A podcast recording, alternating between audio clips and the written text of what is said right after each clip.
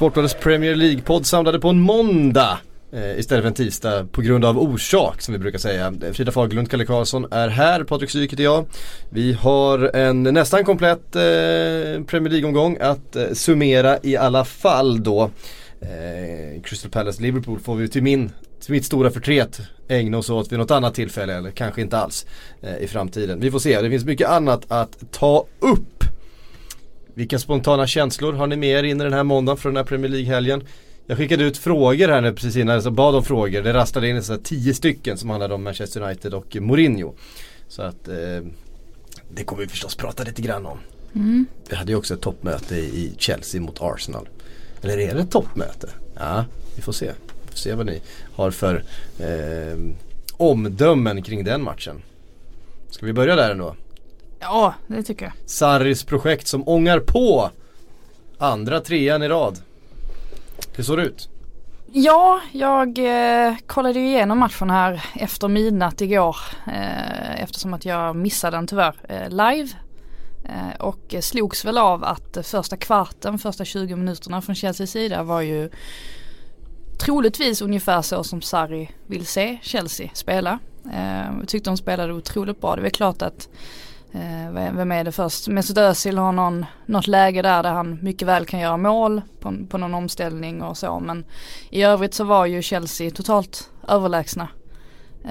Um, så att um, nej, jag uh, slogs väl dels av det, uh, dels av att Aubameyang nog skulle ha gjort något mål där och Mkhitaryan hade väl också någon möjlighet. Men uh, en, bra, en bra match som jag tror att Sarri ser som ett, som ett steg framåt och givetvis tungt för Emery att ha två förluster nu eh, på rad men å andra sidan så eh, jag tror ändå att han, han får lite mer tid ändå på sig. Jag tror att alla har förstått att det inte skulle se klockrent ut från början. Och Guendouzi, han spelade upp sig från förra veckan.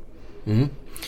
Samtidigt, City hemma, Chelsea borta. Det är väl två budgeterade förluster ändå som man kan leva med. Ja precis, som jag var inne på förra veckan. Jag tror att det är ganska tacksamt för Unai Emery att få den typen av matcher nu. Att eh, det blir liksom matcher som man har råd att förlora någonstans. Eh, man förstår att eh, det här nybygget inte kommer vara slagkraftigt mot liksom den här typen av motstånd så här tidigt och sen tror jag han också får lite mandat då att börja bygga på sitt eget sätt. Man ser att ja okej vi kommer inte vara tillräckligt bra för att matcha de här lagen så vi måste nog Eh, ge vår tränare eh, liksom fria händer här och göra det som krävs. Jag tycker att det var, mm, om vi börjar med Chelsea så tycker jag att det var en positiv insats igen.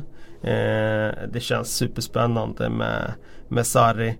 Eh, jag tror att spelarna trivs alldeles utmärkt under eh, liksom den här typen av fotboll efter att ha eh, liksom fått jobba med Contes rigorösa, liksom pragmatiska de får äta ketchup igen. De får äta ketchup igen. Ja precis, bara en sån sak. Och sen att eh, de får spela liksom offensiv fotboll. Det är den typen av fotboll som passar med William, med Pedro, inte minst med en Hazard.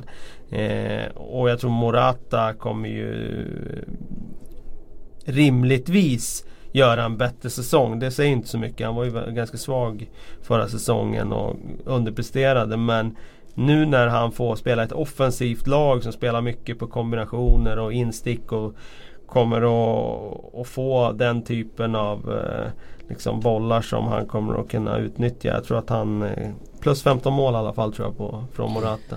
Och sen eh, när det gäller eh, Arsenal så var det väl tyvärr så att det är väl signifikativt för ett lag som är där de är i sin utvecklingsfas att man Eh, får livlinor in i matchen, man tar dem inte. Öppna mål som man bränner. Och sen ringer det i andra ändan direkt efter 2-0 där. Och hade de bara gjort mål på chanserna så hade de ju eh, ja, liksom mer än väl varit med i den här matchen. Nu kom de ju ikapp i alla fall men ja, sen var det väl eh, lika signifikativt att de, att de förlorade till slut.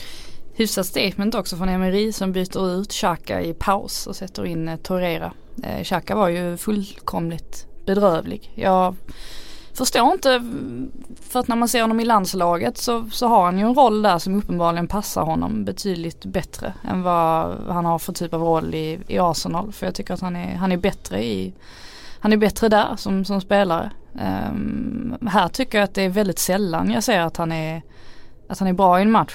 Det händer liksom för sällan för att man ska kunna finnas med i startelvan omgång efter omgång på den här nivån tycker jag. Um, så att uh, jag tror att vi lär väl se Lucas Torreira och Guendouzi möjligtvis där i, i nästa match. Uh, det skulle inte förvåna mig i alla fall om, om Xhaka blir, uh, blir petad ändå. Nej, jag tror, jag tror att Torreira kommer göra eh, sin mittfältspartner bättre oavsett vem det är som spelar bredvid honom faktiskt. Sen tycker jag att eh, Emery gör rätt där och plockar in Iwobi. Inte bara för att han gjorde mål nu utan han eh, behöver ju den typen av rollspelare också. De kan inte bara ha eh, de spelarna som vill komma ner och plocka bollen och eh, liksom slåss i samma ytor. Utan jag tror det är jätteviktigt att de har om man säger Theo Walcott-spelaren på planen som kan göra något annat. Och jag tycker kanske inte de har riktigt någon riktigt bra rollspelare på det sättet i, i den här truppen. Danny Welbeck är ju en sån spelare men inte tillräckligt bra och inte tillräckligt skadefri tillräckligt ofta. Eh, I Våby får man hoppas då kan utvecklas nu. Nu börjar det bli dags att ta det där klivet. Nu är han inte ung talang längre utan nu ska han etablera sig på riktigt. Det är dags att och, eh, och, göra den där starttröjan till sin nu. Mustafi är ju också, jag vet inte, en ganska mm. medioker mittback. Eh, jag tycker återigen att han agerar ganska svagt ändå eh, i vissa lägen. Um, jag vet inte, jag tror jag vill se ett helgrekiskt mittförsvar med Mavropanos. Mavropanos och Sokratis. Mm. Jag tror inte det hade varit helt dumt ändå. Mm. Nej, det är lite kul med ett helgrekiskt mittbackspar också. De kan ju kommunicera om inte annat. får man hoppas. Ja, vad sitter med någon annan? Det är ju rena grekiska. Nej, förlåt. Um, Chelsea som sagt, uh, har de stärkt sina aktier efter de här två matcherna hos er? Ja, eftersom jag tänkte nog ändå att uh, Sarri kommer få ordning på det här. Det är jag helt övertygad om. Mm. Och med ordning menar jag inte att han kommer vinna titeln eller ens slåss i, om, om titeln in i det sista. Utan att eh, de kommer spela jäkligt bra fotboll när han har fått sätta sin prägel. Men jag trodde nog att det skulle ta lite längre tid innan han levererade poäng på det här sättet. Eh, men de har ju fått två ganska tacksamma matcher nu också. Eh, det är ju tacksamt att möta Arsenal så här tidigt in på säsongen. Eh, och första matchen klarar de ju av väldigt enkelt. Mm. Så att jag är, nu är ju jag ett Sarri-fan. Så att jag talar ju lite i liksom, egen sak här men jag tror ju väldigt hårt på honom. Eh, och tycker att det är liksom superintressant eh, att följa honom här. Jag tror att han kommer sätta ett eh, väldigt sevärt spel på plats inom två månader och då kommer fansen vara nöjda. Sen tror jag inte att det leder till någon stor titel den här säsongen men jag tror att de kommer vara eh, väldigt tillfreds med den fotbollen de får se. En av sakerna som man dock nog inte är speciellt nöjd med är ju trots allt försvarsspelet. Eh, för att man får ju komma ihåg att Arsenal kommer ju till en hel del chanser. Till och med då när de är satta under sånt enormt tryck där precis i början. Ehm, så att där behöver han ju styra upp lite grann. Eh, och ska bara lägga till också att det känns som att Andreas Christensen tyvärr hamnar lite i lite i frysboxen nu eh, på något sätt. Att han faktiskt satsar på David Luiz och, och Rydiger. Eh, det är ju tråkigt för honom för att han visade ju oerhört fina tendenser i förra säsongen. I alla fall på hösten där. Jag tyckte han tappade på våren sen. Mm. Kristensen. Men som väntat då, eh, Luis har alla möjligheter att få ett lyft nu under Sarri. För att nu kommer ju han få spela den fotbollen som, som passar honom. Och jag håller med dig med försvarsspel och det är väl Sarris svaghet då. Att eh, defensivt så finns det väl en del brister. Han sa ju själv att de gjorde en jättebra match i 75 minuter och sen var det 15 där de var hemska. Och eh, det kommer de såklart inte ha råd med framöver. Nej.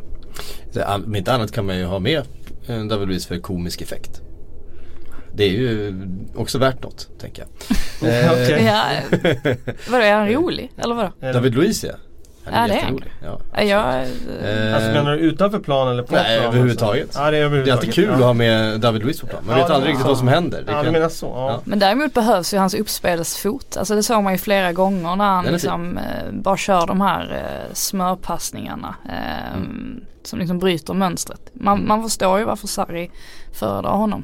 Absolut. Och varför Conte inte gjorde det. Och varför han en gång i världen var typ världens dyraste mittback.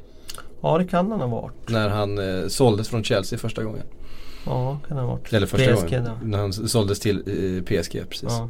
Ehm, på ett, eh, på en, I en annan del av London, eh, nämligen på Wembley då, så spelades eh, Tottenham Fulham, eh, det andra London-derbyt eh, den där lördagen. Förbannelsen är bruten. För? Eh, ja, Harry Kane har gjort mål i, i augusti. Mm. Eh, det var väl inte så oväntat ändå att det skulle Ja, hända. det var det väl. Ja, Eftersom man inte hade gjort mål på 1000 minuter så var det högst oväntat. Eh, noterade att eh, Pochettino nu tog tillfället i akt och gick över på en trebackslinje. Vi pratade om- väl om det i förra veckans podd. Vi var inne på det där att han Mm. skulle vara flexibel och jag tror att han kommer fortsätta vara det. Lite utifrån vilka han har tillgänglig såklart men också utifrån motstånd och lite eh, vad de själva vill göra. Men den där trion där bak med Alderweireld, Sanchez, eh, Fertongen den känns väldigt stabil. Nu fick de in Trippier som inte startade premiären. Eh, som, eh, ja, det kommer ju vara ett lyft såklart eh, jämfört med Aurier. Aurier gjorde en assist där i premiärmatchen och då kanske man fick förnyat hopp. Men man vet ju aldrig vad man får av honom. Trippier vet man ju alltid vad man får och sen får man en, en, eh, en fot som kan skruva dit frisparkar och som slår helt magnifika inlägg. Eh, så det är ju en sån där matchvinnande fot som Tottenham kommer att ha enorm nytta av. Sen har han ju dessutom ett starkt VM i ryggen så det känns som att han går in i säsongen på en ny platå nu. Ja det känns som att han har lyft sitt spel faktiskt. så är det ju. Eh, väldigt, väldigt som av det, här, av- av det här eh, VMet. Det här var kanske hela mästerskapets bästa Ja, han högerback. går in i ligan nu som en av de bästa högerbackarna i Premier League. Mm. Eh, med den statusen och det är klart att det ger en trygghet för Tottenham också. Mm. Eh, nu drog de ner Eriksson i den sittande rollen och Lucas Moura han gör väldigt mycket poäng. Alltså det får man säga. Alltså han var ju en värvning som eh, kändes som en sån här Ja, det blir en rotationsspelare där framme. De har ju den där trion. är svår att peta på. Men han är ju, jag vet inte exakt siffrorna han har gjort men det är nästan ett, ett poäng i snitt per match i Tottenham senaste ja, men 8-9 framträdanden han har gjort. Mm. Och, eh, han ger ju en sån där eh, direkt känsla liksom. Det är fart, det är gå utsida, det är eh, liksom eh, eh, jäkla speediga omställningar. Eh, det, eh, uppenbarligen så ger han ju en ny dimension till Tottenham. För just fart hade de ju kanske inte i, i, i den offensiva linjen. Mm. Spännande med Christian Eriksens fot lite längre ner i banan också som spelregissör. Han, Jo tack. eh, han har helt, helt okej känsla i den där, eh, den där dojan. Eh, kan placera den bollen och en speluppfattning som få. Eh, det är en spelare man, man ser fram emot att titta på den här säsongen också. Eh, fortsätter ju ryktas om en Spanienflytt för hans del. Eh, Pochettino är väl lite irriterad över situationen. Jag tror, inte, jag tror inte det är någonting som kommer hända men jag tror att de irriteras lite grann på att eh, eftersom transferfönstret ser ut som det gör att spekulationerna kommer. Och, eh, ja, det är ju Real Madrid då som ska förstärka på något sätt under de här, den här sista veckan i det spanska fönstret. Och, eh, Christian Eriksen nämns. Fulham trodde vi mycket på inför. Nej. Eh, gick på, nej det gjorde vi kanske inte. Du gjorde nej, inte. alltså det, nej. Sa du inte 6-7 på dem också? Nej, det sa jag sa inte 6 7 Jag har dem ganska, eh, ja, nej, jag har dem ganska långt ner i tabellen. Jag ska kolla sen exakt. Mm. Eh, Jag tror jag tippade dem typ 10. Ja, jag hade Ja, dem det på övre kan- halvan. Jag hade ja. dem på övre halvan. Ehm, efter de investeringarna, investeringarna de har gjort. Eh, men har inte kommit igång med det projektet riktigt än så länge. Eh, nu vart ganska, det var en tuff match nu då förstås eh, mot Tottenham på Wembley. Vi får se då också för Tottenhams del hur länge de blir kvar på Wembley nu. Det är väl inte helt klart när de får nej. flytta in på sitt nya White Hart Lane. Det verkar som att det till och med kan bli, vad var det, 2019? Ja precis, ja, det, det är väldigt dras ut? Eh, än så länge och def- dessutom så är det väl en NFL-match som ska spelas på Wembley samma dag som eh, Tottenham ska ta emot eh, Manchester City. Jag inte minns helt fel. Eh, där de faktiskt inte har någon, någon arena bokad till än så länge. De vet inte vart de ska vara. Ehm, för de kan rimligtvis inte spela både amerikansk fotboll och eh, riktig fotboll på samma dag på samma arena. Utan- Kan väl ingå något samarbete? Kanske får göra en sån spansk deal då. De får fly, flyga över till USA och spela, och spela en match där. ta tillfället i akt här nu när det inte finns någon arena. Nu får du kamma till dig. Sitter du här och föreslår en sån Det är bara omfam det är bara omfamna förändring. framtiden Kalle. Eh, Nej det kommer jag inte göra. Det. Nej, det vore, det vore inget det vore inget bra om det, den utvecklingen. Eh, Men om vi går tillbaka till Fulham där så kan jag i alla fall notera där. De hade ju 25 passningar inom laget innan de gjorde sitt mål. Det är ju ändå lite häftigt att en nykomling kommer upp och, och rullar boll på det sättet. mm. Eh, så nej, jag, jag, jag skriver inte av dem så här tidigt utan vi får se vad det, Mm. vad det utvecklas till. Jag tycker de har en riktigt skicklig manager. Så att, Det är väl mer att man har sett ganska många exempel nu på där man öppnar plånboken och så, så värvar man in alltså många bra namn och så tar det lite tid att sätta det. Eh, vi såg ju. Everton göra det förra säsongen. Eh, Så så att det lär väl ta lite tid. Eh, jag tror absolut inte att de är i farozonen att åka ur på något sätt. Men eh, jag är inte förvånad av att man står på noll poäng efter två omgångar. Mm. Era intryck av Ryan Sessegnon den här början. Det är klart att det är en skillnad att kliva upp till Premier League men han har precis fyllt 18. Eh, och det är ett annat tempo, det är bättre motståndare och så vidare. Har han briljerat så här långt som ni har sett? Jag har inte hunnit se eh, den här matchen mer än första 25 minuterna. Eh, jag hade egen match i lördags så jag har inte hunnit. Det är ju podd på måndagen idag så Mm. att, eh, jag har inte hunnit eh, kolla, kolla så mycket. Så jag får återkomma i ämnet. Men eh, av det jag såg så hade han inte eh, varit med så mycket i matchen. Nej, jag har också noterat att han inte riktigt har fått en flygande start den här säsongen men fasen han är som sagt 18 år gammal och det kommer. Vi rör oss vidare till eh, Everton som tog sin andra raka seger då. Eh, den här gången hemma mot Southampton som har en del eh, frågetecken att räta ut den här hösten kan man säga. Men en Richarlison som gör mål igen. Vilken Mhm. succé han gör Frida. Eller hur? Men det, det förutspådde vi ju. Ja det visste vi. göra. Det visste vi ju. Eh, nej men det känns som att han trivs eh, oerhört bra eh, Everton. Eh, och han får, eh, han får liksom allt rampljus på sig. Eh, och jag tror det är precis så man ska, man ska använda honom. Eh, så att nej, får ju säga att det är ju ganska bra ändå. Eh, Eh, ganska bra facit med, vad blir det, tre mål på, på två matcher. Eh, det får väl ses som eh, godkänt de två första omgångarna. Men jag tror att han, han trivs väldigt bra också med Cenk Tosun. Jag tror att han gör Mm. mycket för honom eh, i hans sätt att spela på. Så att, eh, nej, flygande start för, eh, för Everton då får man säga med fyra poäng på, på två matcher. Det, eh, skulle, de skulle ju tagit en trea Ja just det, det vart, det vart ju faktiskt kryss. Jag hade, jag, I min hjärna hade redan räknat in den trean. Eh, Ja men det var ju, det, det, det var ju nära faktiskt. Det ju var, ju. Jagielka som grusade. Eh, exakt. Så, Men eh, eh, jag, ja. jag noterade där, Richarlison han var ju även i blickfånget för Mark Hughes efter, efter matchen där. Han var ju mäkta irriterad över Richarlisons återkommande filmningar. Mm. Och eh, konstaterade att, att sådär spelade inte jag på min tid. Eh, och det gjorde han nog Det väger tungt. Det gjorde han visserligen inte. Nej, men eh, eh, men eh, det har hänt lite sen dess. det har hänt lite grann sen dess. Eh, sen tror jag inte någon kunde bortse från det faktumet att eh, Richarlison var oerhört bra i den här matchen. Och eh, att eh, Everton har blivit redan nu lite Richarlison beroende. Mm. Men det är, det är nog en jäkel att möta på planen alltså. Det känns som att han är, han är lynnig till humöret och han håller på med lite sådana här ful, ful knep och han liksom, man, man ser att han ofta säger någonting till spelarna och tänker man det är nog inga trevliga grejer han, han säger där. Så på så vis så är han säkert eh, extremt otrevlig att, att möta. Ehm, sen kanske han, eh, jag tror vi kommer få se en och annan varning. Eh, att han drar på sig det under säsongen. Det känns så. Japp. Eh, också i lördags då, eh, Wolves gick på pumpen. Eh, hypade Wolves mot ett Leicester som eh, ja, efter premiärförlusten där då mot eh, Manchester United ändå fan, ser ut som eh, de kommer kunna göra någonting i år. Vi kanske inte pratar topp 6 men eh, de kommer ju hota Everton om sjunde platsen eventuellt. Eh, Madison med mål då till slut efter ett par fina insatser i, i Leicester-tröjan. Eh, ser ganska, det ser, jag tycker det ser spännande ut det här laget.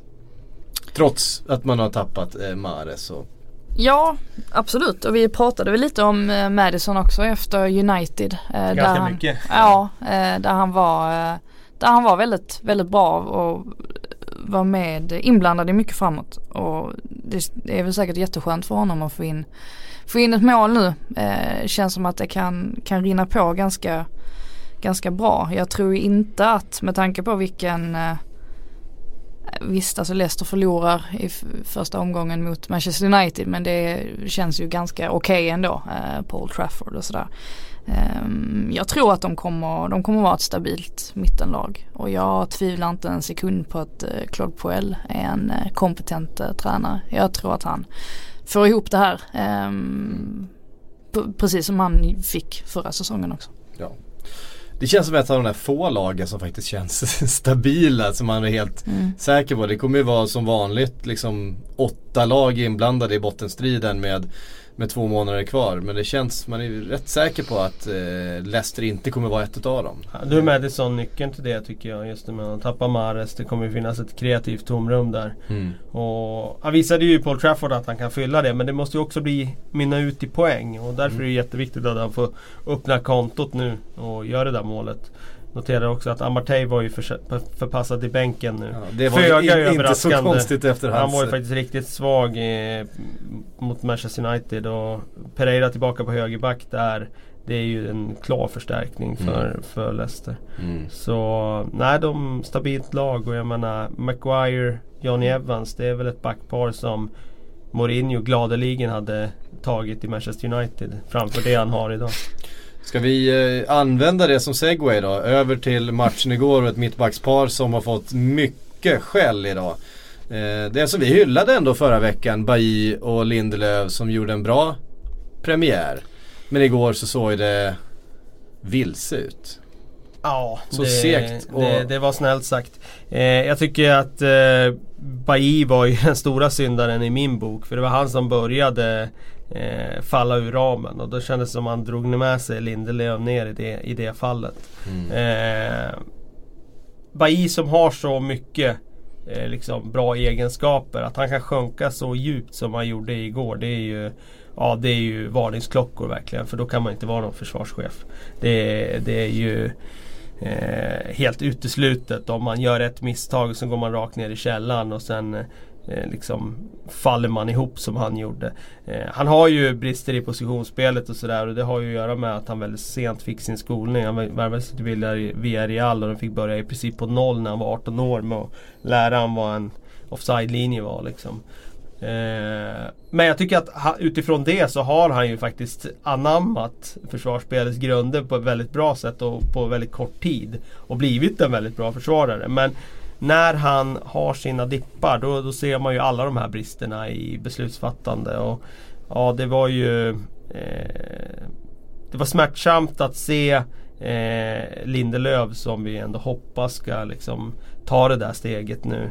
Eh, så tidigt på säsongen göra en sån insats också för då blir det den där kritiken som brittiska tidningar älskar att liksom eh, veva om och om igen. Har de hittat en hackkyckling då är det ju liksom ja. Då är det om och om igen. Det är ju framförallt han som får skiten ja, det nu blir ju i, så. i, idag också. Det, jag tycker Bailly ska ha den stora smockan här. Sen var ju, alltså försvarsspelet var ju en sak men alltså Manchester Uniteds anfallsspel det var ju under all kritik i den här matchen. Det var Eh, ja de hade ju ett läge där tidigt i matchen när de pressade till, vann bollen högt och, och mm. Lukaku eh, ja, ju, fattar ju fel beslut där ja, tycker jag. Han ska ju, han ska ju dra den i bortre stolpen. Ja, han ska göra mål. Sen hur han gör det spelar inte så stor roll. Det är som, som någon tänkare sa någon gång borta i England att eh, börjar man fundera på vad man ska göra, lägg in bollen i nät och sen kan vi diskutera alternativen sen.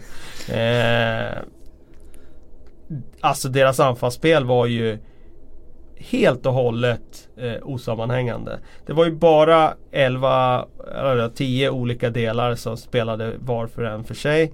Och de stod och slog crossbollar. Det fanns absolut ingen synkronisering i vad som skulle hända sen. Och eh, ja, det tyvärr landar man i återigen att det är en för simpel eh, anfallsidé som det här laget byggs på. Och då landar vi tillbaka på managern som jag flera gånger har slagit fast inte är rätt man att leda Manchester United. Jag står fast vid det.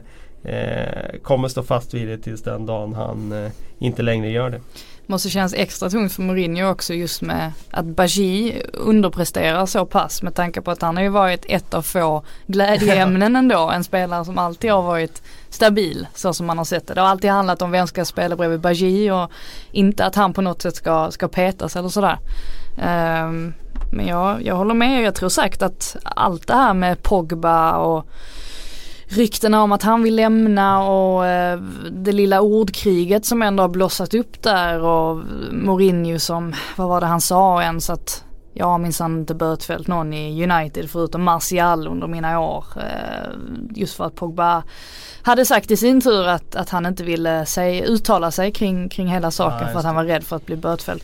Och jag menar det tyder ju någonstans på att det är någonting som skaver. Ja, ja, ja, det, det, så är det. Och det, det är väl klart att det det påverkar insatserna på planen. Absolut. Alltså spelarna blir mindre benägna att, eh, ja. mindre motiverade. Återigen, det är människor vi har att göra med. Och mm.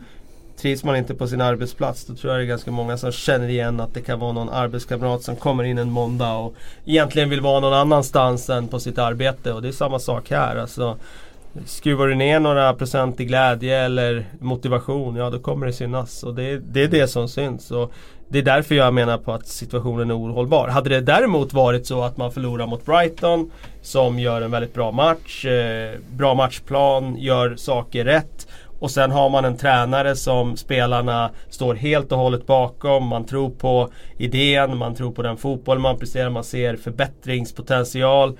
Då är det en helt annan sak. Men jag ser ingenting av det i dagens Manchester United utan de har stått i princip still under José Mourinho. Han hade ju ett ganska tacksamt uppdrag tycker jag. Han tog ju över eh, efter Louise van Gaal och det var ju en enorm lättnad från hela supporterskaran när van Gaal försvann. Och så kommer Mourinho in och det börjar bra och han får värva stora spelare. Och jag menar det här mittbacksparet, han kan inte skylla på någonting för det är han själv som har värvat båda två. Annars brukar han ju framhålla det som, liksom, det är ju det han alltid framhåller att ja men det är inte mina spelare. Mm. Och han har aldrig någonsin tänkt tanken på att ja men det, andra tränare Guardiola, Sarri och så vidare. Conte utvecklar ju sina spelare. Klopp inte minst.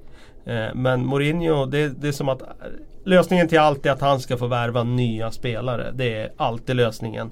Och nu är det ju hans spelare, många av de här. Och de presterar i alla fall inte. Och de, han har ett offensivt lag på banan med Mata, med Fred, med Pogba, med Pereira i den defensiva rollen. Det är ju inte ens Mourinho-aktigt att ha en sån spelare där. Han, han var ju inte alls bra i den här matchen. Han var ju jättefin i premiären men han var inte alls bra nu och defensivt väldigt sårbar. Alltså det är som att han han har ju helt förlorat kompassen. Han går ju emot sina egna principer. Att spela Pereira nu i den defensiva rollen.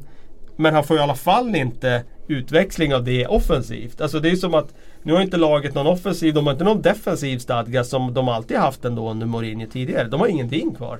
Och då har de ändå ett lag där man känner att spelare för spelare, det är en riktigt bra trupp. Mm. Så äh, jag, jag tror helt enkelt att eh, det har kommit till den punkten att han drar inte jämnt med Det är för många spelare han inte drar jämnt med det smittar av sig i omklädningsrummet, på stämningen, på träningsplanen, i allt. Och det påverkar också prestationerna och då är det, då är det väldigt svårt att vända den skutan. Det är också väldigt omorinjoskt om det, nu hittar jag på ett ord. Eh, just det här mittbacksparet. Jag menar det, det, är två stycken spelare som tillsammans inte ens har 150 seniorlagsmatcher i sina karriärer. De här är ju verkligen, alltså de, de är så tidigt i sina karriärer och för att vara mittbackar och två stycken så orutinerade spelare som det faktiskt är tillsammans.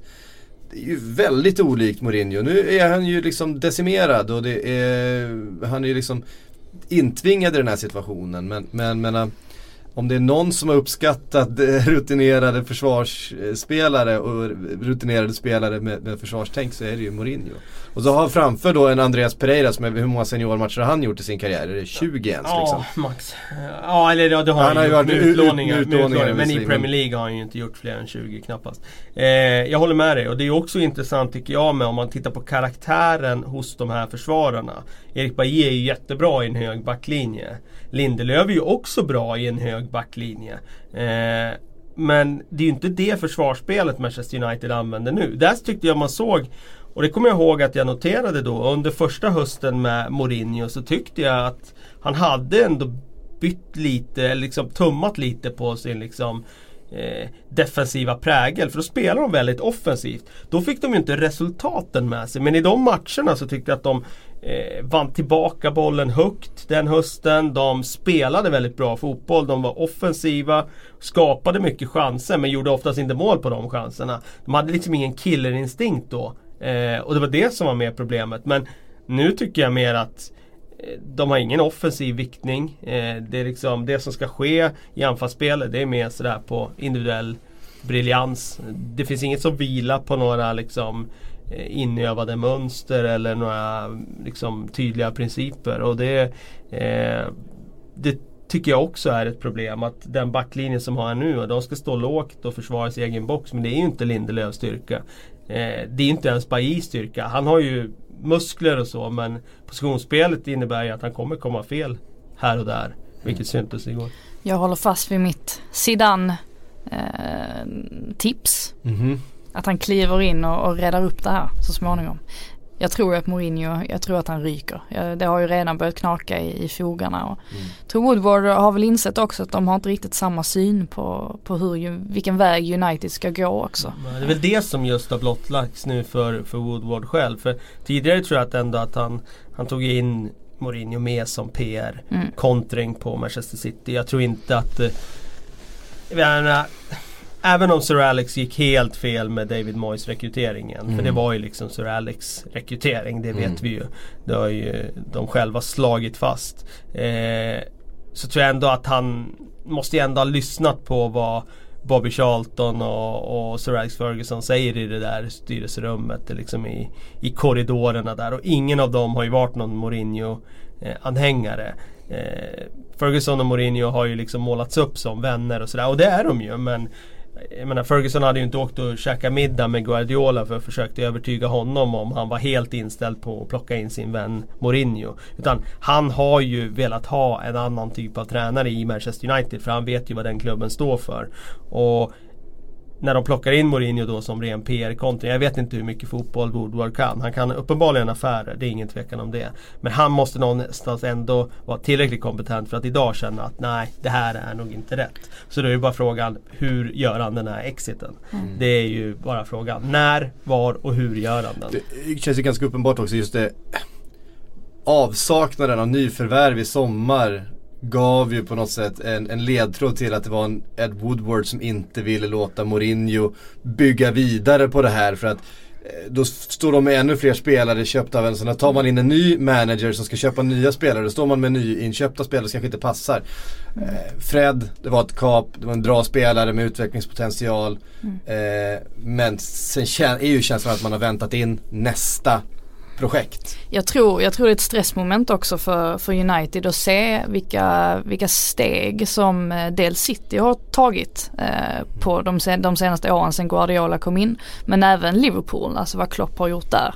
Eh, det har liksom blivit alltså, en ny dimension nästan eh, som de har kommit in i. Och sen så har vi Chelsea nu med Sarri mm. som håller på och också tar ännu ett kliv. Mm. Jag tror att det blir ett oerhört stressmoment för United när de känner att de, de vet knappt vad deras DNA är längre. Nej, eh, de vet nej. inte vilken, vilken väg de är på. De, de har liksom inte jobbat långsiktigt varken med värvningar eller i, i tanken på hur de ska spela. Eh, jag tror att det är det som börjar komma i fatt nu att de känner att shit vi måste också ha en tydlig strategi kring hur vi ska gå vidare här. Och det är ju det här att de söker fortfarande efter sin identitet sen Sir Alex lämnade Manchester United så, mm. har de inte, så har de inte riktigt lyckats hitta en ny identitet. Och jag menar, det är de största skorna någon, någonsin att fylla. Ja. Och det är ju en, en, en extremt svår uppgift att, att liksom försöka hitta tillbaks till en Eh, vi får ju se nu med, med Arsenal för nu har de ett, eh, en, nästan en motsvarande, en liknande uppgift framför sig här som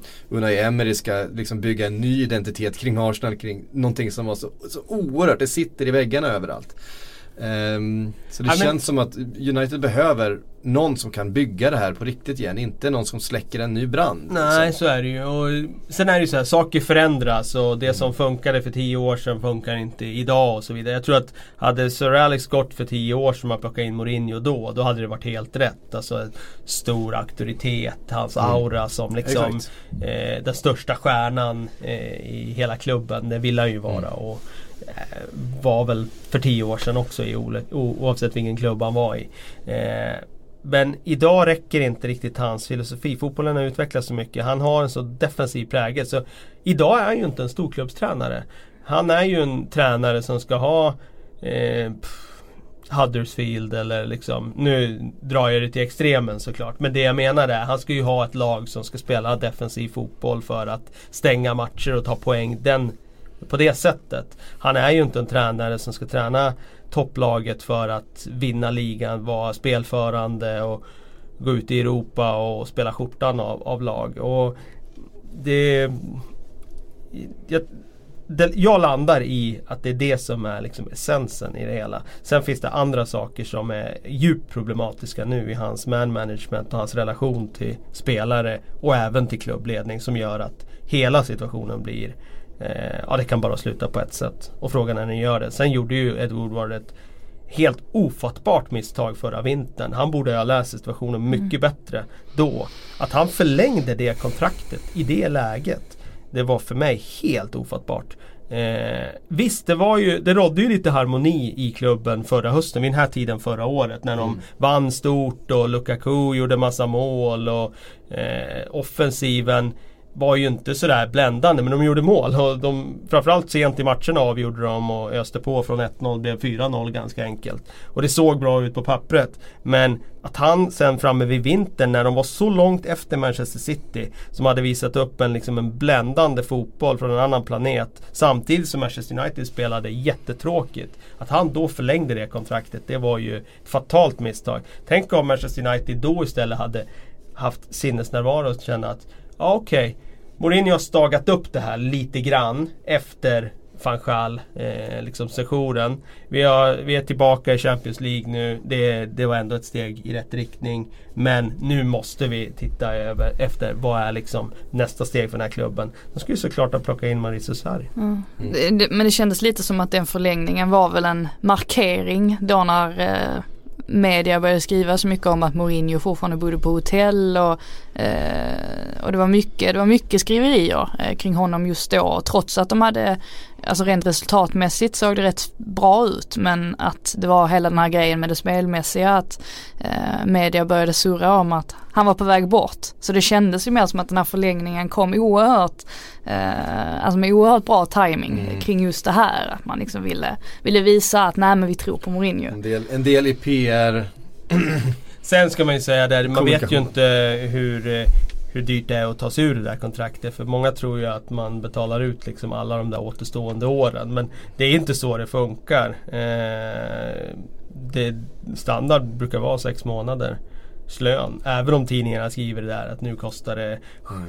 400 miljoner att köpa ut den här. Det är väl bara, det är väl bara Pardew som, eh, som skriver in den typen av klausuler. Ja just det, han har ju sju års kontrakt där i Newcastle. Det, det var ju... Det kostade ju hu- hu- oerhört På tal om icke-motiverade kontrakt och förlängningar. Den var ju oerhört eh, märklig den eh, grejen. Pardews sju år har ju sårat Fredrik Jönsson på ett sätt som gör att han aldrig blir sig lik igen. Nej, han, han är härdad av partyåren. Eh, vi har fått en massa massa frågor kring eh, Manchester United och kring Mourinho. Jag har fått en från Alexander Ceder. Eh, om Mourinho nu får lämna United efter denna svaga eh, inledning, minst sagt. Hur ser då framtiden ut för honom? Finns det någon toppklubb som vill anställa honom? Nej det tror jag inte. Eh, jag tror att det blir liksom det naturliga nu och gå till vännen Jorge Mendes och ta över Wolverhampton. Och det vore ju faktiskt spännande att se honom någon gång i en klubb som inte är en toppklubb. Han har ju bara gått till de lagen som har mest pengar och som slåss i toppen och där han får värva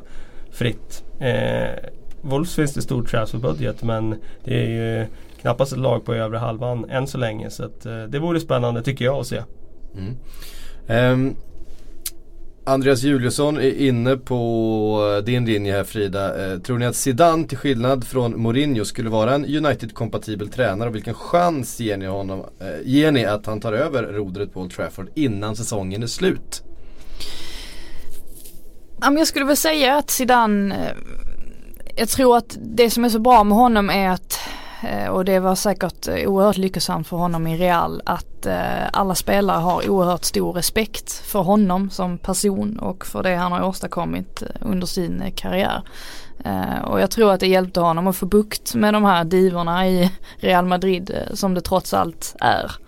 Ehm, sen vet jag inte riktigt vad han hade ju haft ett helt annat spelarmaterial att, arbeta med. Ehm, det hade ju definitivt inte varit de här superstjärnorna som, som, den, som ändå fanns i, eh, i Real Madrid på i stort sett varenda position. Så han hade ju lite grann fått börja om från, från början ändå. Um, ja, det hade nog kommit in ett gäng nya spelare. Det skulle jag tro. Jag tror att han hade varit väldigt bra man manager. Det hade varit nyckeln för honom att ta in riktigt bra backroom, backroom stuff. Alltså Eh, att en sportchef hade kunnat se också vad, vad behöver vi för kompetenser runt omkring här. Jag tror inte det hade funkat med att bara liksom ha någon lallare som first leading coach utan någon riktigt skarp eh, tränare på träningsplanen. Zidane får vara ansiktet utåt. Eh. Den som liksom ska styra skutan men någon som gör jobbet i det dagliga tillsammans med honom. Eh, eller tar den stora bördan där. Mm. Ja, vi lämnar Manchester United för eh, den här gången då. Vi får väl se vad som eh, händer där framöver. Eh, visst är det en Efter intressant match nästa helg? Måndag va? Måndag mot Tottenham. Måndag mot Tottenham. Mm. Ja, det, det, blir spännande det också. Det blir det sannolikt.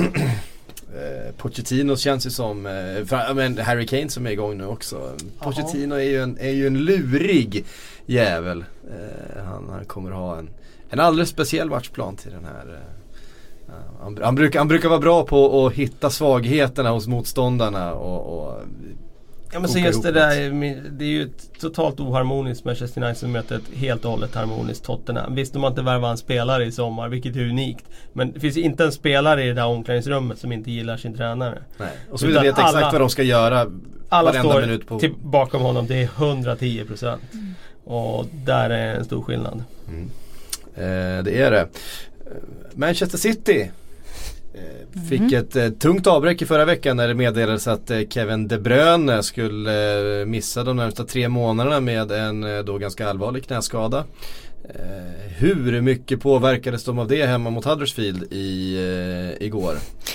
Ganska tacksamt att möta Huddersfield också givetvis på ett ja. sätt. Det är ju ett av de svagare lagen i, i serien. Det har vi ju slagit fast.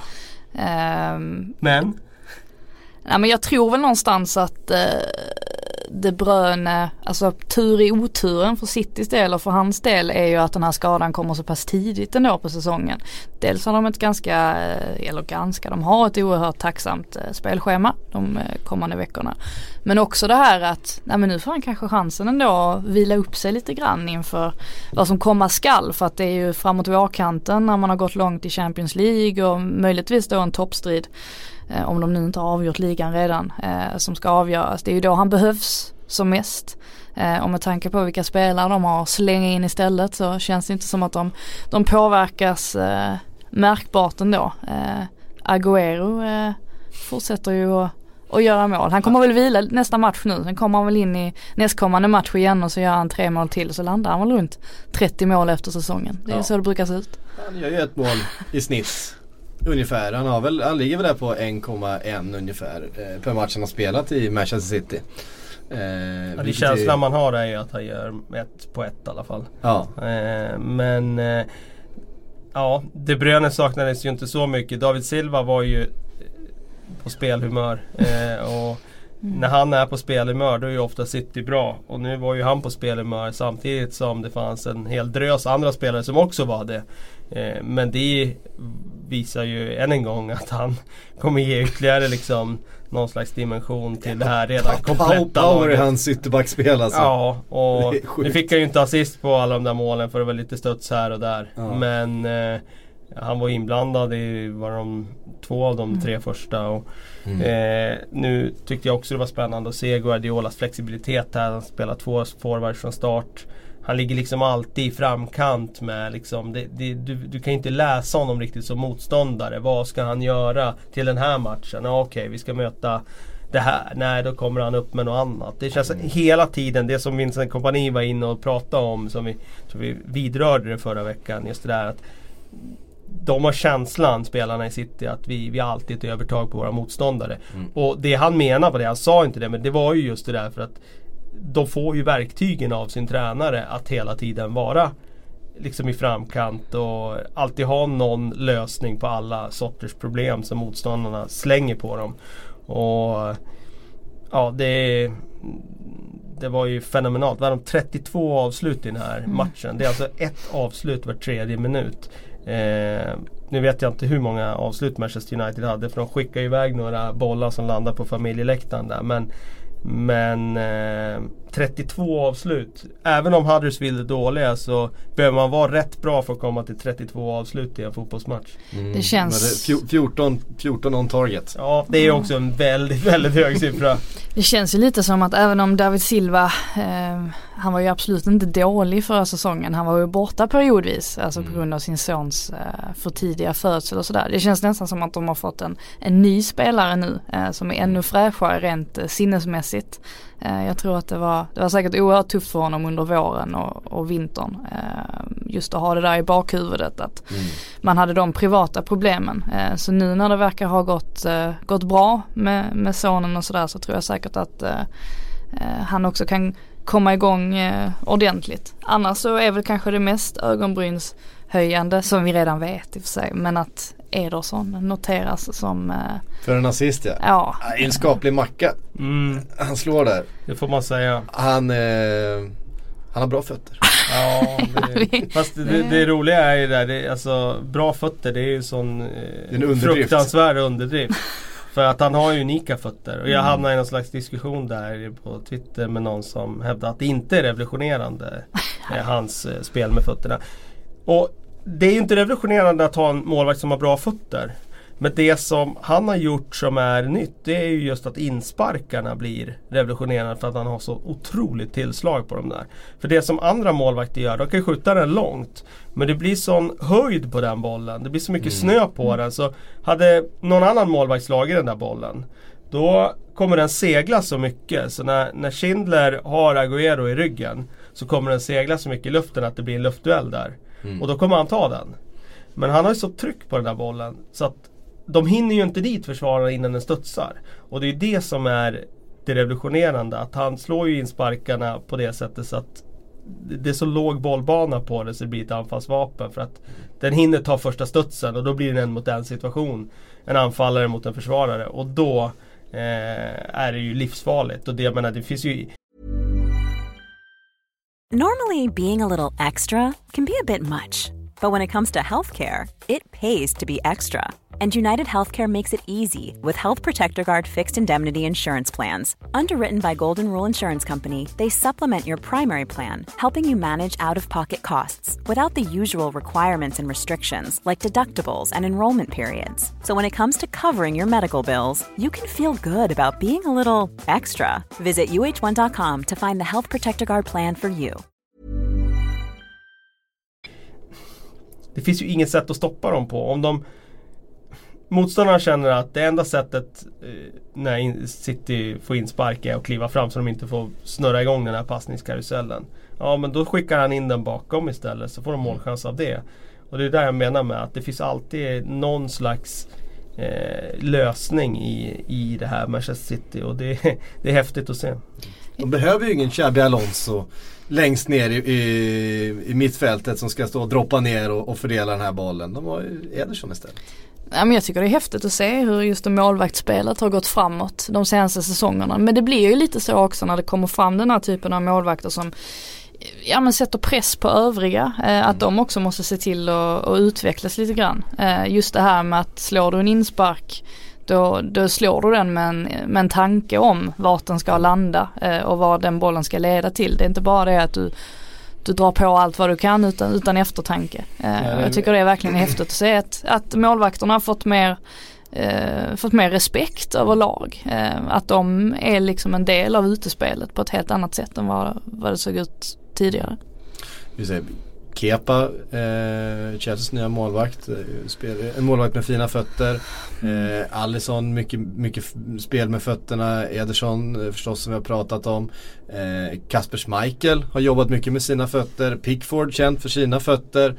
Eh, det blir upp tydligt vad den här... Eh, nu- Var trenden går någonstans. Var trenden går någonstans. Ja, Nu- jag höll på att säga nästa generation så är det ett par utav dem. Typ Kas- Kasper Schmeichel en bit över 30. Men, Ja. men, men han, det får man säga om Schmeichel. Han har ju faktiskt utvecklat det här under sin eh, karriär. Man har sett att han har faktiskt laborerat lite grann med både sina utkast och Hans pappa hade ju hyfsade utkast till Ja exempel. det hade han sannerligen. Eh, aldrig, sett en, aldrig sett en målvakt kasta eh, Ja, till, här off, till, off, till offensivt straffområde liksom utan studs i stort sett. Eh, som eh, Peter Schmeichel gjorde. Eh, men eh, även det är intressant det där hur, hur det utvecklats.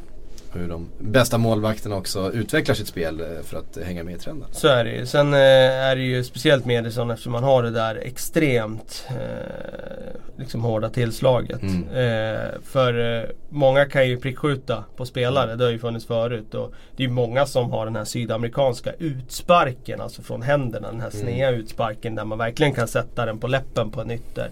Det har ju funnits i många, många år. Det är inget nytt på något sätt. Utan det nya här det är ju från liggande boll, inspark. Att kunna skjuta med den låga bollbanan han har. Och prickskjuta på spelare så att försvararna hinner inte dit innan bollen studsar. Och det är nytt. Och det är inte alla målvakter som kommer kunna ha det tillslaget. Han har ju ett Guinness rekordbok, eh, liksom en notering där över längsta inspark. Så det, Han har det? Ja. Mm.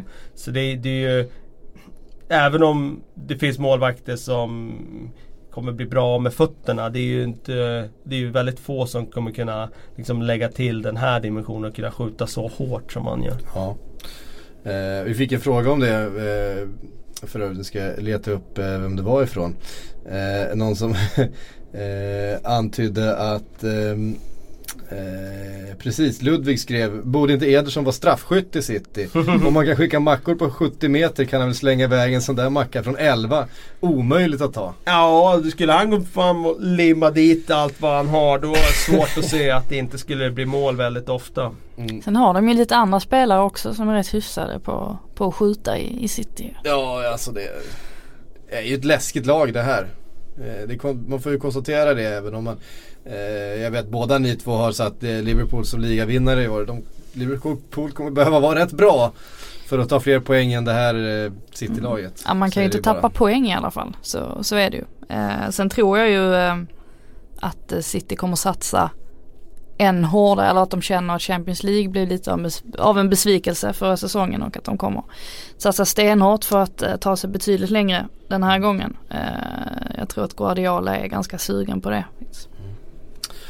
Ja, eh, 6-1 i alla fall till Manchester City. Hade kunnat blivit 10 kändes som. Det var, det var bara en fråga om hur stora siffrorna skulle bli. Foden Mm. fick lite speltid, det var ju roligt. Ja.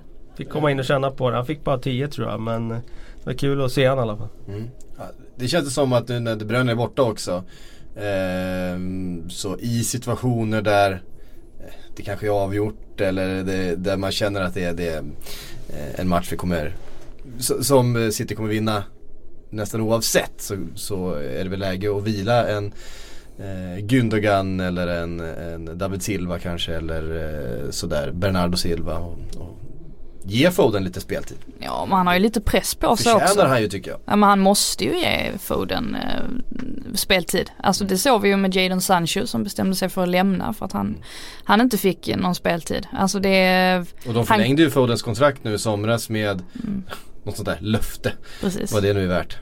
Det, det gäller ju, alltså träna på toppnivå kan du göra på många ställen. Men just det här med att få in matchspel i, i kroppen det är ju eh, Det är ju nödvändigt för att kunna, kunna utvecklas som spelare och då spelar det ingen roll att Foden fortfarande är ganska ung. Eh, men det måste börjas i, börjas i tid. Eh, Burnley Watford 3-1 till gästerna där. Mm. Eh, Burnley som vi väl misstänker inte kommer upprepa förra eh, säsongens succé. Eh, vi bör, alltså de har ju varit igång länge nu. Ja. Det här var ju alltså deras nionde tävlingsmatch. Snackas ju redan nu om att det liksom Europaspelet har fått påverkan på deras Ja. säsong och det är inget bra. Vi pratade om den där ryggsäcken att Ja. den skulle bli tung att bära. Eh, och känslan är väl att eh, så kommer det att bli. Sen är det frågan bara var, var de hamnar i tabellen. Men eh, att de ska upprepa fjolåret det är helt uteslutet. Det, Ja. det går inte. Ehm, intressant med Watford. Ken Sema fick eh, 25 det minuter var ju typ. superroligt alltså. Mm.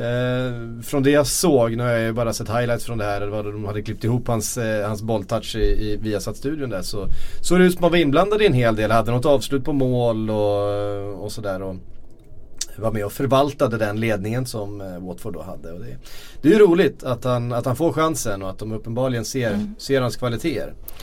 Troy Deeney berömde ju honom stort här eh, tidigare i veckan eh, när han fick frågan om, om Ken. Eh, så att det verkar ju som att han eh, verkligen har kommit in i gruppen och det märks oerhört tydligt att intresset för honom eh, i engelsk media är ganska stort också. Att det är en del som hör av sig så här och vill veta mer om den här Ken Sema från Östersund. Jag tror inte att eh, Graham Potter-kopplingen gör honom mindre intressant med tanke på vilken hype det är kring Potter. Då blir det ju automatiskt att ja, men då vill man se den här Potters adept då i, i Sema, hur, hur han ser ut på planen och så. Så att, ja men bra start för honom. Det är ju precis det här man behöver. Man behöver få in ett ben bara i, i det hela. Precis.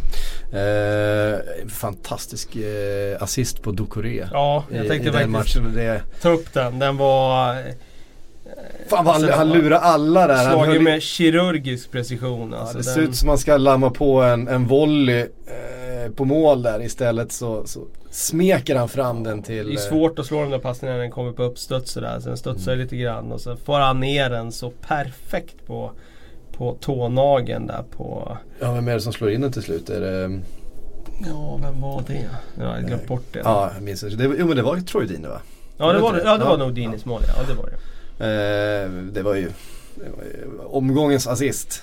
Eh, han, han slår ju fyra gubbar med den. Han slår den med vristen också. Det är svårt att slå en boll med precision, att inte bli för hård och inte studsa iväg. Och att, att göra det med vristen så. Det blir som en skottfint eh, samtidigt. Anmärkningsvärt också att Will Hughes var tillbaka Ja. i eh, målprotokollet. Det är värt att notera. Mm.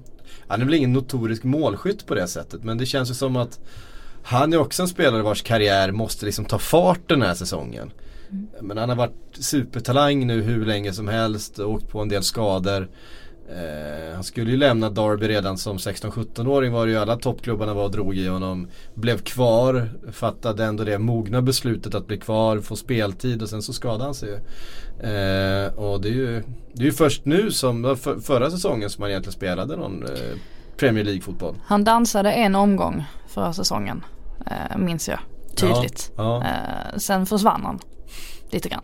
Ja, han, han tog aldrig någon riktig startplats där men det, det, ehm, ja, det ska bli intressant att se om han kan få igång sin utveckling igen. Han hade ju oerhörda kvaliteter redan som tonåring. Eh, vi har fått massa frågor. Eh, som vanligt, eh, ska se vilken vi tar. Eh, väldigt mycket Manchester United. Eh, från Emil Manninen till exempel. Om ni hade fått vara Ed Woodward, hur hade ni agerat nu under hösten? Jag hade gjort mig av med, eller först och främst hade jag eh, pinpointat vilken tränare jag ville ha. Eh, och eh, sen hade jag försökt göra mig av med Mourinho på ett hyfsat smärtfritt sätt. Man hade väl säkerligen bestämt sig för vilka spelare i United är viktiga för United. Ja men tycker man att det är Pogba då så hade man väl säkert diskuterat med honom kring vad han vill och hur han ser på, på eh, vad en ny tränare ska ha i United och så vidare. Eh, hade väl börjat där i alla fall. Mm. Eh, Filip Nyman skriver, kommer West Ham åka ur i år? Nu har vi inte pratat någonting om, om Nej. eh, West Ham Bournemouth där men Bournemouth eh, vann ju den matchen med 2-1 till slut. Ehm, efter det jag sett de första omgångarna här är jag rädd för att mitt tips där med West Ham på övre halvan det kommer vara totalt fel. De kommer Mm. att bli indraget på undre halvan och kanske neråt i en bottensida. Jag tror inte de åker ur. För jag tror att Pellegrini behöver väldigt mycket tid för att sätta det här på plats. Han spelar ju helt annorlunda här. Han har en offensiv grundidé i en klubb som har spelat ganska defensivt under Moyes. Och, eh, det jag tror att det är väldigt mycket omstrukturering som han har eh, framför sig.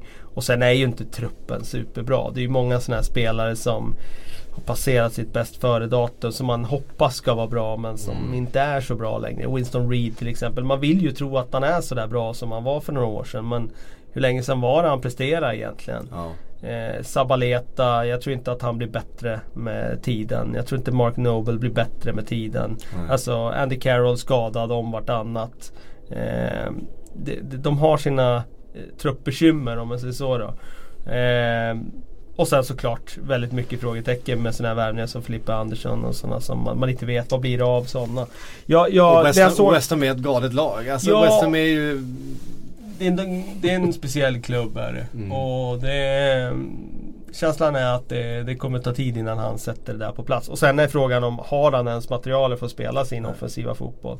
Eh, jag tror att de kommer att vara på undre halvan och att de kommer att få kriga för att ens undvika nedflyttningsstriden. Mm. Det är aldrig lugn och ro i den klubben i alla fall. Nej det är det inte.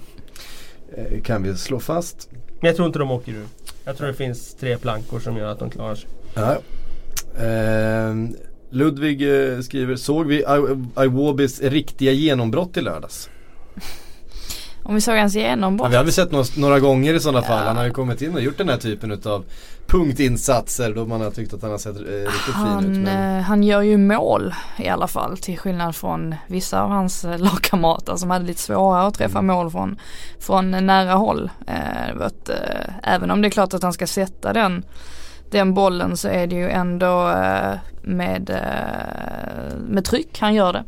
Och dundrar in det. Eh, och det var väl som vi snackade lite om att han bidrar ju med någonting annat till det här Arsenal-laget. Eh, eh, sen får vi se vart det, vart det tar vägen. Det känns som att det är en ganska lång väg kvar att vandra där för, för Emery. Jag tycker väl att han ska få ganska lång tid på sig också. Vad, vad kom Klopp sin första säsong i Liverpool? Vad kom han? Åtta va?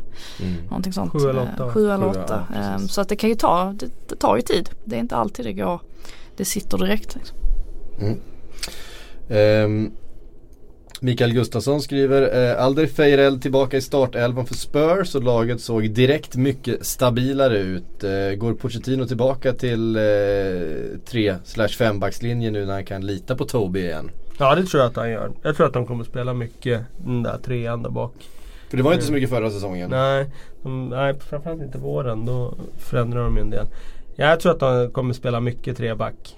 Och det är utifrån att han jag tror att han har lite svårt att ställa över någon av dem där också. Sen tror jag han får en väldigt bra defensiv säkerhet med att ha det där. Mm. Den där trion där. Mm. Um, Toker eh, säger, kommer eh, Gross att repetera fjolårets eh, poängskörd och vilken målvakt håller flest nollor i år? Får ju säga det att vi måste säga något om Brighton också. Att de gjorde ju faktiskt en väldigt mm. bra match. Och de sätter sina målchanser och de utnyttjar att United är lite ur balans. Alltså första målet. Eh, Glenn Murray. Ja precis, Glenn Murray. Det är avslutet. För att jag menar visst att eh, Lindelöf är sen in i sin situation och Bailly släpper in spelet mellan benen. Men han är på väg bort från mål. Han har en back i ryggen och de Gea står ändå ganska välplacerad innanför honom. Att få den förbi sig, bort, liksom lobba de Gea bort mot bortre stolpen som han gör med den skarven. Det är ju ett, det är ett riktigt klassavslut. Men vi vet ju också att så länge Murray slipper springa i djupled så är han ju faktiskt väldigt, eh, alltså väldigt bra framför mål. Ja. Alltså inne i straffområdet. Det är ju där han ska vara. Mm. Ja, men de, flesta, de flesta anfallare hade ju försökt bara stöta den mot första stolpen tror jag. Eh, vilket jag tror också är det de Gea är beredd på. Han är beredd att lägga sig där. Det har vi sett honom rädda den typen av bollar tidigare. Eh. Ja det var ett bra tekniskt nummer. Det var det ja. Han var ju faktiskt, alltså Glenn Murray var ju en riktigt bra djupledsspelare när han var i Crystal Palace. Men så får man ju förståelse för att han har blivit lite till åren. Och nu är det väl mest stå och stånga. Men eh, ja, eh, på det hela taget så tycker jag att de har ett väldigt bra kollektiv. Mm. Eh, och eh, Gross är ju såklart X-faktorn där. Det är ju mm. han som ska få det att hända offensivt. Och, jag tror inte kanske att han gör lika många poäng som i fjol men ja, det går inte att utesluta. Han, han är en eh, matchvinnartyp han också. Knockert Ser igen jättespännande ut ju. Han kommer ju ställa till det för många. Mm. Jag tycker nästan det är oroväckande hur bra mitt tips ser ut så här långt. Alltså. Bra. Eh, Tipset sitter- sitter efter två omgångar. Då är det, Det är bra. Ja men alltså baserat på vilka tendenser man ser av lagen. Så tycker jag ändå, alltså jag hade Brighton ganska högt upp ändå. Jag Det- tror inte att de, eh, jag tror inte att de kommer att åka ur. det är som när man har 13 rätt i halvtid. Då, då vet man att det är ja jag, jag har ju jinxat, jinxat sönder det nu totalt ju. Nu kommer det ju bara gå ut för, det vet man ju. mm. eh, Vad var det med? Hållen nolla? Eller flest hållna nollor? Eh, precis, vilken målvakt håller flest, eh, flest nollor? Alisson kanske? Sitter, Ederson fick ju ändå släppa en boll i, igår även om Mm. Ja, det ska jag göra. Det är ju lite sådär med den där typen utav Alltså bombar man iväg sex mål så, så kan det ju trilla in ett bakåt utan att eh, pulsen stiger. Ja, det är Alisson eller Ederson känns det som. Jag har Alisson i mitt manager så jag han. vi, vi hoppas på det. Vi kör på han. Mm. Ehm, Jesper Björk skriver, en viktig fråga. Vilket lag sjunger i introt eh, till podden Let's pretend we scored a goal? Eh, sen kan ni ju lägga ett eh, vet om hur många matcher det kommer ta för Check att eh, tabba in ett baklängesmål. Eh, kopplat till eh, sin extrema brist på spelet med fötterna. Definition på enfotad. Den första eh, kan på inte tal om då den gamla generationens målvakt som inte har fot, alltså spelet med fötterna som sin främsta egenskap är Peter Käck en utav dem. Var det inte Aston Villas fans som sjöng den? Jo, visst är det så. Mm. Ehm, let's pretend we scored a goal. Eh, Det är ändå en ganska intressant eh, målvaktssituation i, eh, i Arsenal. Mm. Eh, med tanke på att man nog förväntade sig ändå att eh, Bernt Leno skulle gå in och plocka den där första platsen. Jag vet inte riktigt, eh, jag har inte riktigt förstått vad eh, Emery har baserat den där målvaktsuttagningen på. Det kan ju Nej. knappast vara att Leno är, är trött efter VM. De, eh, ja. Ehm, men nej, jag är förvånad över att man köper in en målvakt eh, med tanke på hur Check såg ut förra säsongen. Ehm, att man inte väljer att satsa på honom. Men det kommer kanske. ja. Ehm, så, hörni. Mm. Det var den måndagen. Eh, ikväll är det Crystal Palace Liverpool. Det tänker jag Det blir på. trevligt. Ja, det blir en mycket bra match. Det är ju alltid trevligt att se matcher på Sellers Park. Mm, Med den stämningen som är där. mm. De här måndagsmatcherna är, lite trevliga också tycker jag Mm. generellt. Det, det, liksom så här. Helgen är över, måndagen och det har varit mycket jobb och det är mycket annat. Så kan man ändå sjunka ner där måndag kväll och, och, och titta lite Och på av Det-. Ja. Det, det brukar alltid vara händelserika matcher också. Jag tror att motsvarigheten till dagens match förra året var City-Everton. Som slutade 1-1 och Kyle Walker blev utvisad. Det kan stämma. Ja. Just det! det Så jag får- jag förväntar- jag Det är, det är jag helt övertygad om att det var. Det stämmer. Everton var väldigt bra i den matchen. Jag vill minnas att de spelade Ja, det var den enda matchen de var bra i. centralt Calvert Lewin fick sitt gen- genombrott då. Mm. Precis. Ja. Ja, vi, vi hoppas på underhållning ikväll då. Eh, och eh, härifrån poddstudion så hörs vi om en vecka igen.